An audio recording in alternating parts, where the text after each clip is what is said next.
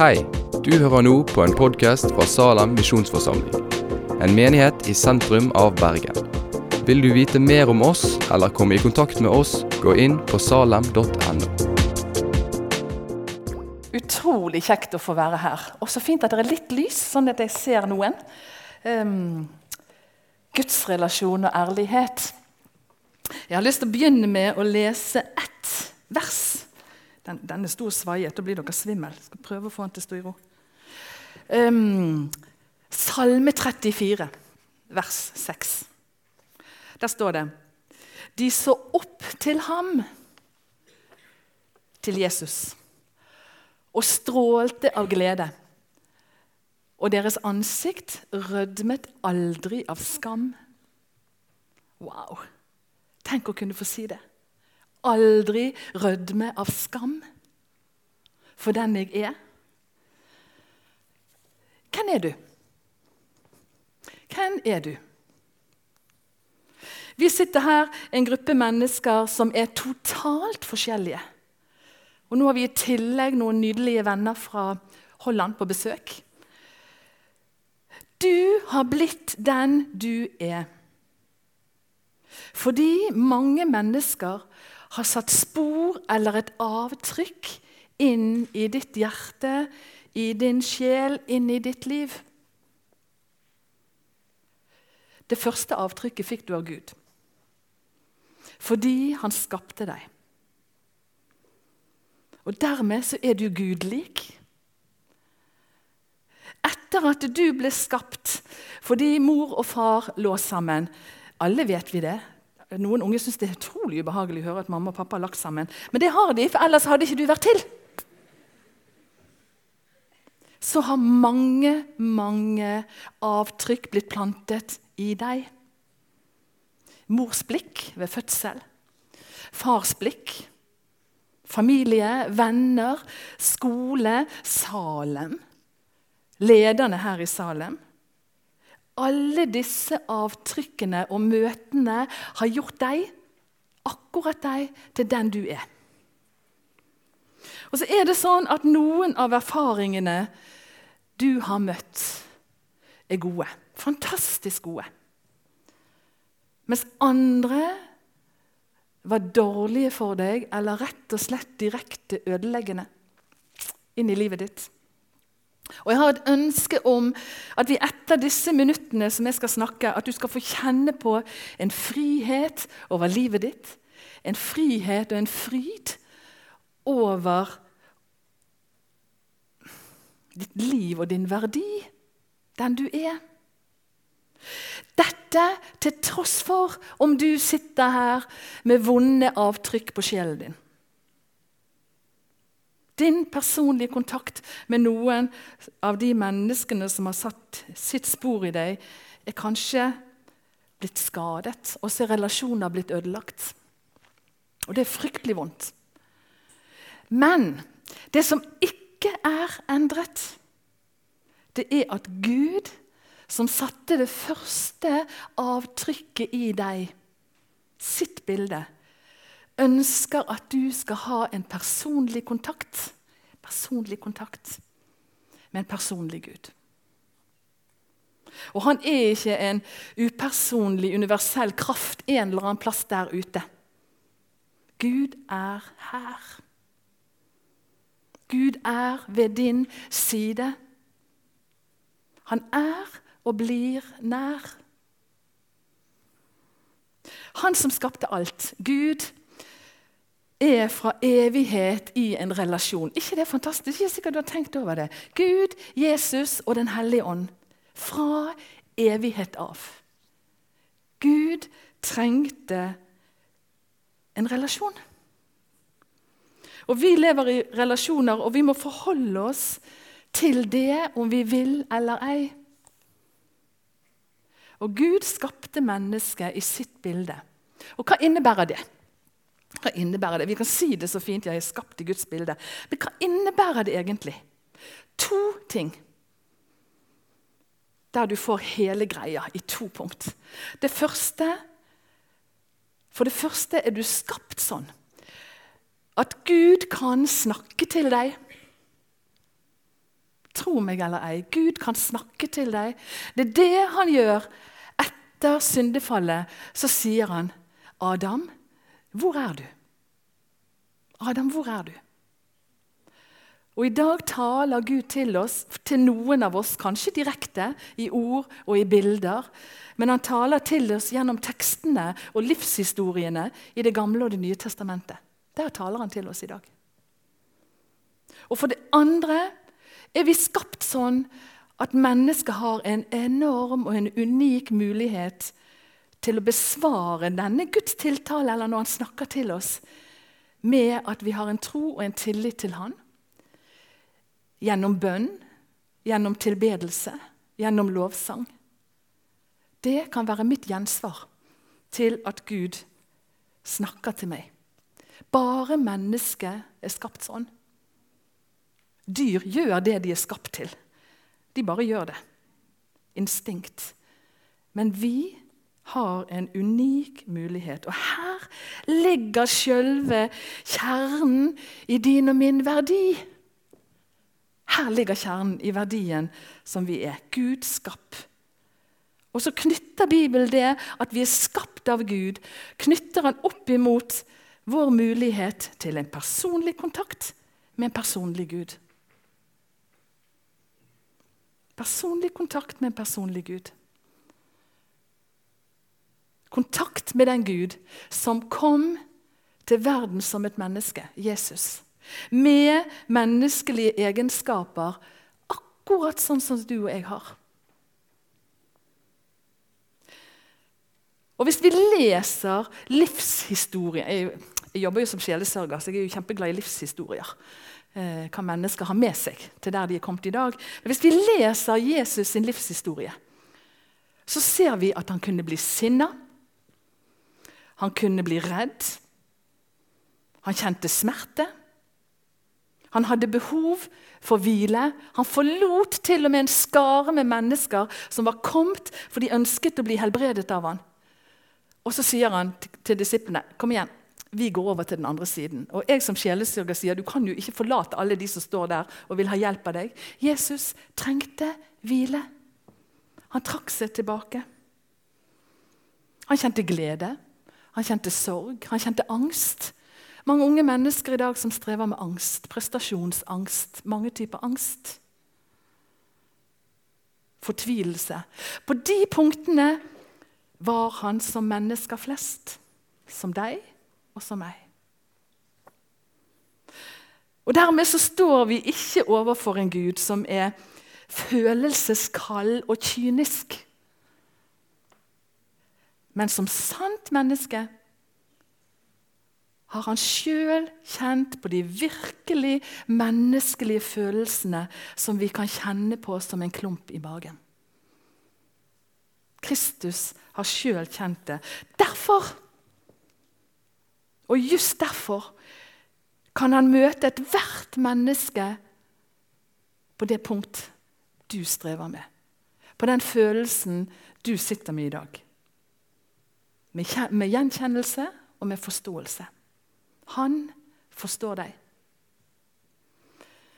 Og når Gud er sånn hva gjør da Og dette har jeg undret mye på, dette har jeg tenkt over og dette har jeg reflektert over, dette har jeg skrevet noe om. Når Gud er sånn, hva er det da som gjør at vi ikke våger å være ærlige overfor Gud? Han ser jo alle sider av det likevel. Han ser hva du tenker akkurat nå. Orker ikke følge med på det den gamle damen snakker om. Han ser akkurat hva du tenker på. Han ser akkurat hva du føler.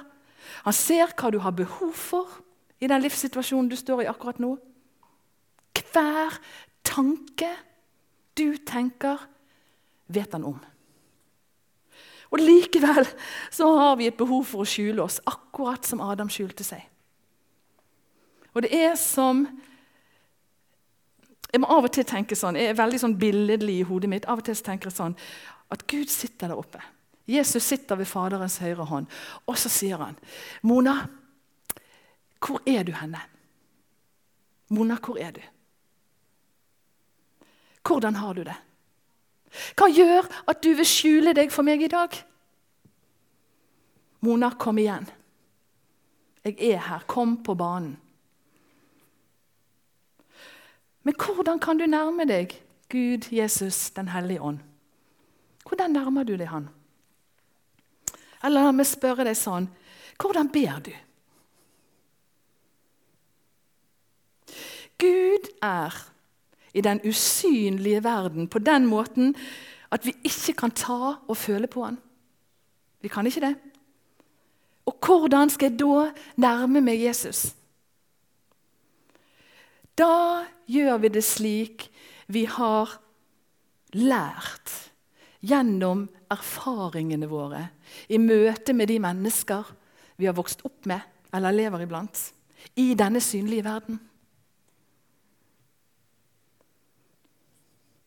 For eksempel så kan vår bønn preges av det.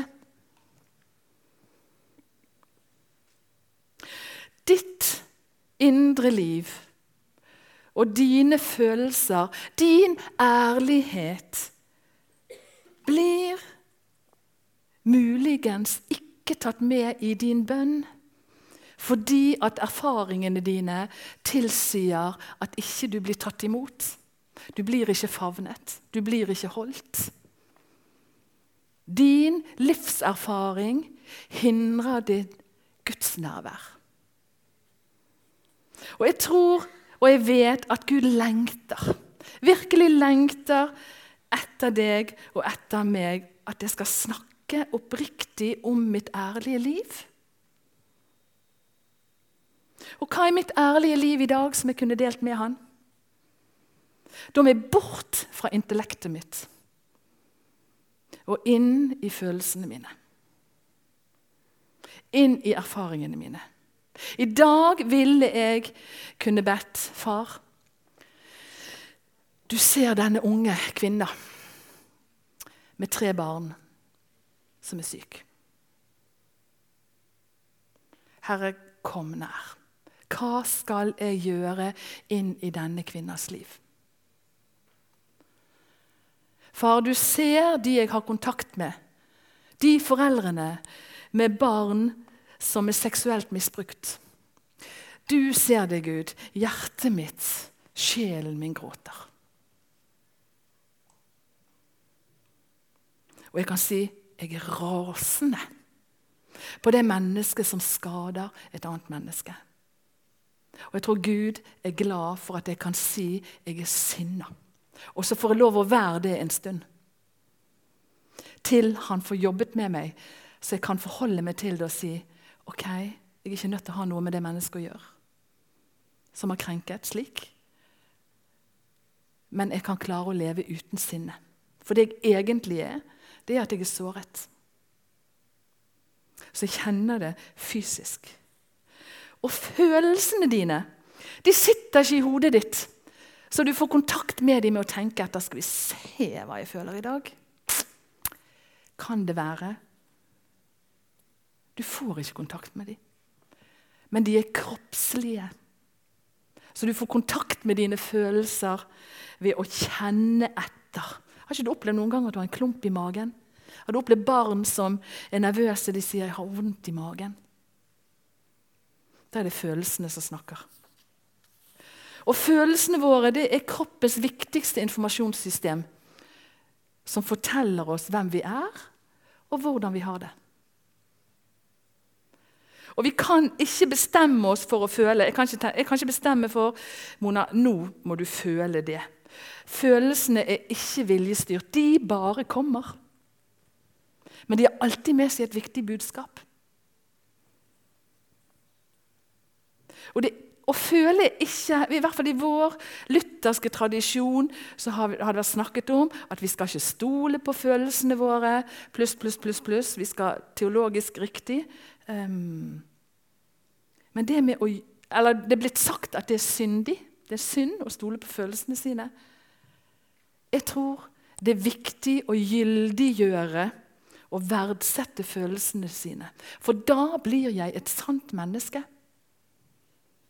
Først da blir du ærlig med deg selv. Du tar deg sjøl på alvor. Gud følte, og jeg tror han føler fortsatt, etter han hadde skapt det som ble skapt i første Mosebok, i denne verden, så sier han å se, det var godt. Godt er en følelse. Kjente det fysisk. Frydet seg. Dette var godt. Og Jeg møter mange mennesker som ikke lever et ærlig liv overfor seg sjøl. Og så undertrykker en det en kjenner på. Og hva skjer? Følelsene kan bli hermetisert. Eller de blir putta i en boks. Og Så tar du lokket på, og så tar du hengelås på, og så låser du igjen, og så hiver du nøkkelen.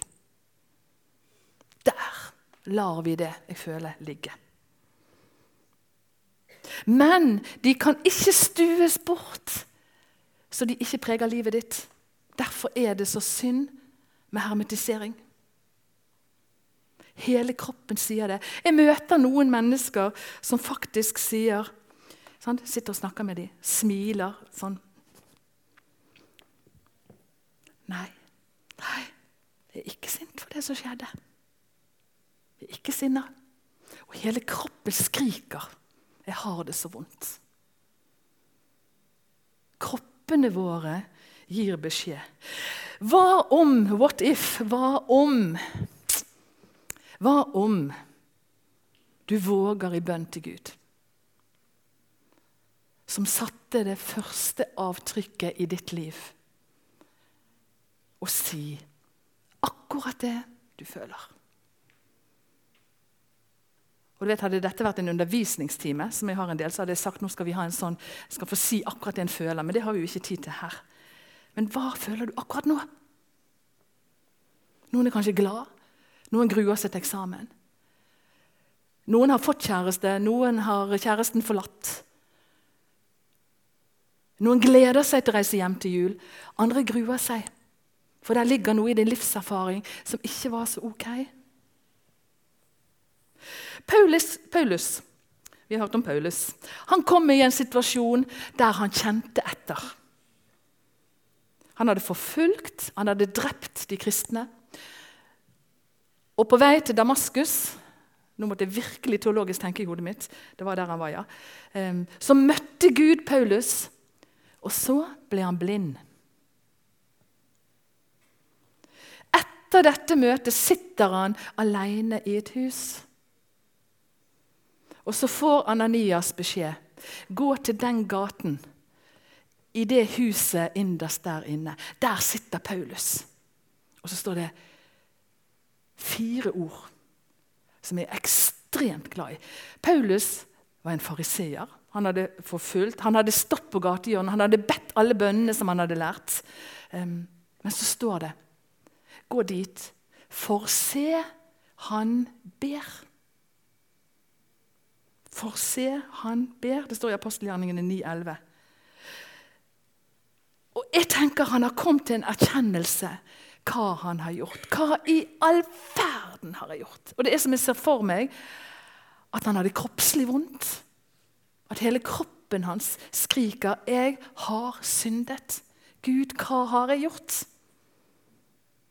Og så ble det en oppriktig bønn.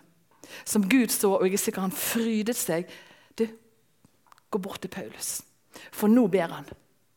Gå bort til han. Nå er han ærlig. Sakkeus, hvem var han? Vi hadde jo en sang. 'Sakkeus var en liten mann, en bitte, bitte liten mann.' Og jeg tenkte det er jo så harmonisk. Jeg tenker han var liten av vekst. Det er ikke mye i denne verden som har endret seg siden skapelsen. Han fikk en jobb hvor han hadde makt. Han var lite populær. Hva om Hva om Sakkeus ble mobbet i oppveksten? Liten Sakkeus. Får ikke være med oss og spille fotball. Sakkeus, hva du tror du er?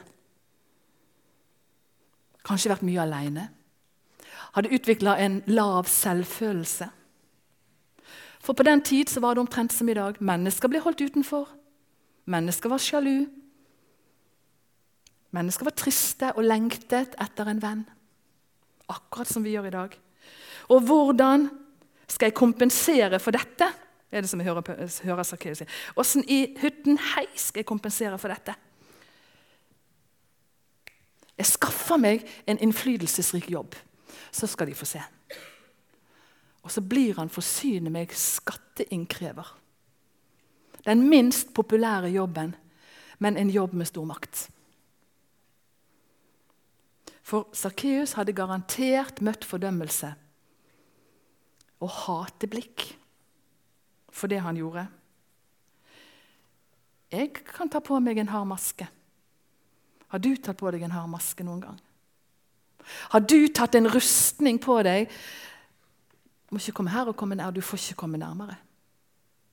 Her, men ikke lenger. Og så isolerer vi oss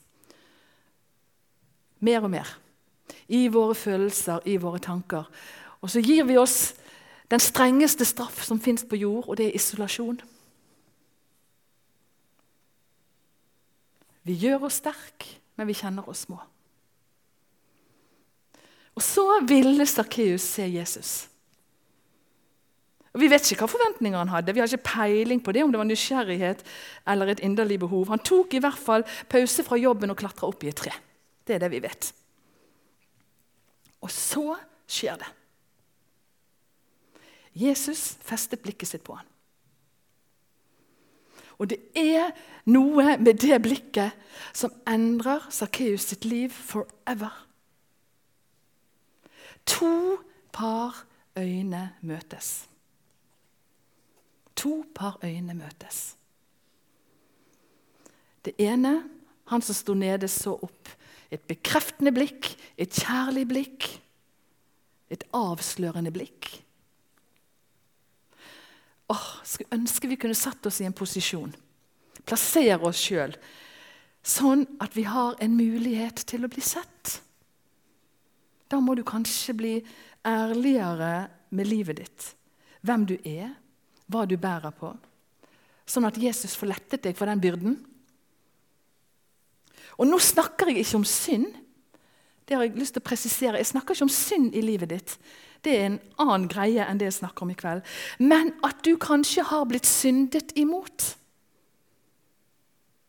Av familie, av venner, av andre. Som har ført til at du trekker deg, du trekker deg, og du trekker deg. Og så skjuler du deg. Og så kjenner du på skam, og så kjenner du deg ikke god nok. Kanskje du ikke har erfaring her i livet med to øyne som bekrefter deg uansett, som kjærlig irettesetter deg, som sier 'Fortell, Per, hvordan du har det'. Fortell, Kari, hva du opplever. Fortell hva du føler. Kanskje du har du ikke hatt de menneskene rundt deg. Eller erfaringen er kanskje at ikke du har fått lov å tenke og føle og være den du vil være. Plassert i bås og måtte mene og tenke det flertallet mente. På det bedehuset eventuelt hvis du er vokst opp i en kristen familie eller en menighet. Og så har det stoppet opp noe innvendig i deg som hindrer bønn og sann tale med Gud. Og jeg tror Gud gråter over at du opplever det. Jeg tror han gråter over det. For hvis du ikke skal få være deg sjøl, og jeg, Mona, ikke skal få være meg sjøl i relasjon med Gud, hvem i all verden skal jeg da være? Skal vi se, Nå skal jeg nærme meg Gud. I dag tror jeg jeg vil nærme meg han som Eivind. det er mannen min. For han er jo pretty jeg skal til å si åndelig. De som kjenner han veldig godt, Vi kan ikke si at han var så åndelig, for han er egentlig veldig sånn humoristisk. og sant? Men han, han er jo åndelig. Han er jo pastor. Så vi må jo si at han er åndelig og har vært det. Eh, jeg kan ikke nærme meg Gud som Eivind. Jeg må nærme meg Gud som Mona. Du må nærme deg Gud med den du er. Og da er det noe med å snakke med Gud om dine følelser. Får de plass i din gudsrelasjon? Kan du si 'Jeg kjenner meg sviktet, kjenner meg såret, jeg er lei meg'? Jeg er takknemlig. Gud er utrolig glad for Fordi at alle typer erfaring, og våre åndelige erfaringer, involverer følelseslivet vårt. Derfor må vi ha kontakt med dem ved at vi gir dem rom for at vi skal bli sunne og sanne mennesker. Og Mange av de jeg møter, er utrolig dyktige til å formidle tanker, men ikke til å formidle følelser. Jeremia 29, 29,11. Jeg vet hvilke tanker jeg tenker om dere. Fredstanker, ikke tanker til ulykke. Jeg vil gi deg fremtid og håp.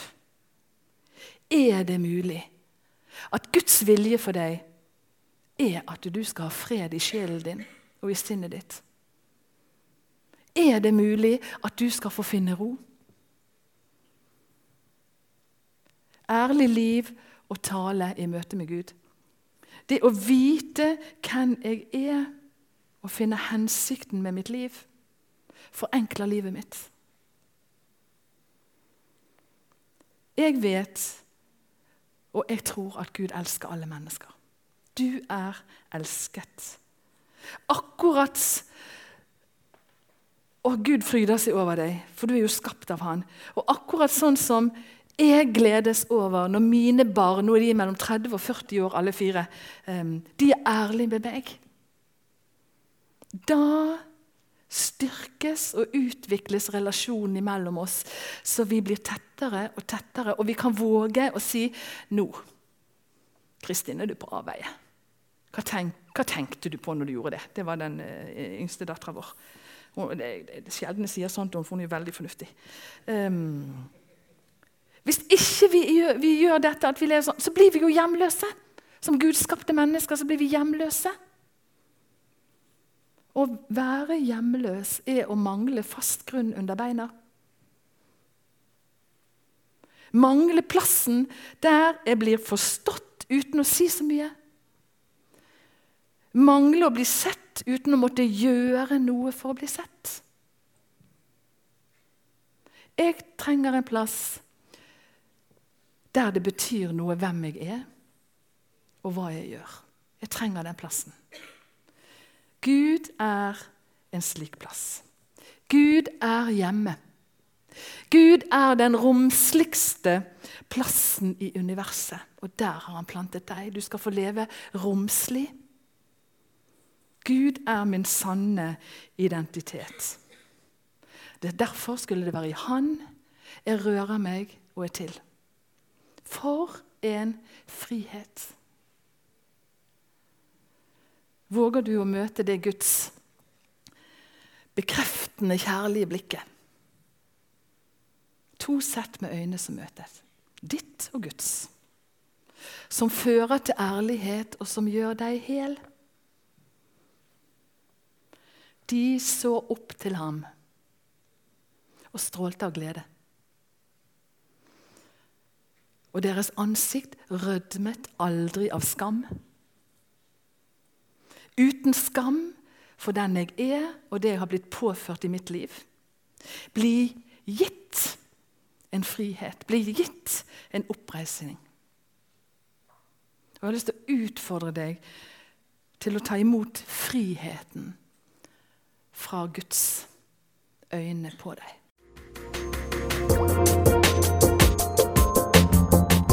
Takk for at du har hørt på podkasten fra Salem, Bergen.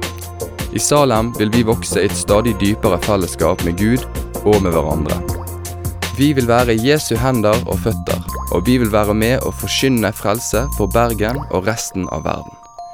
Besøk oss gjerne på salem.no om du vil vite mer.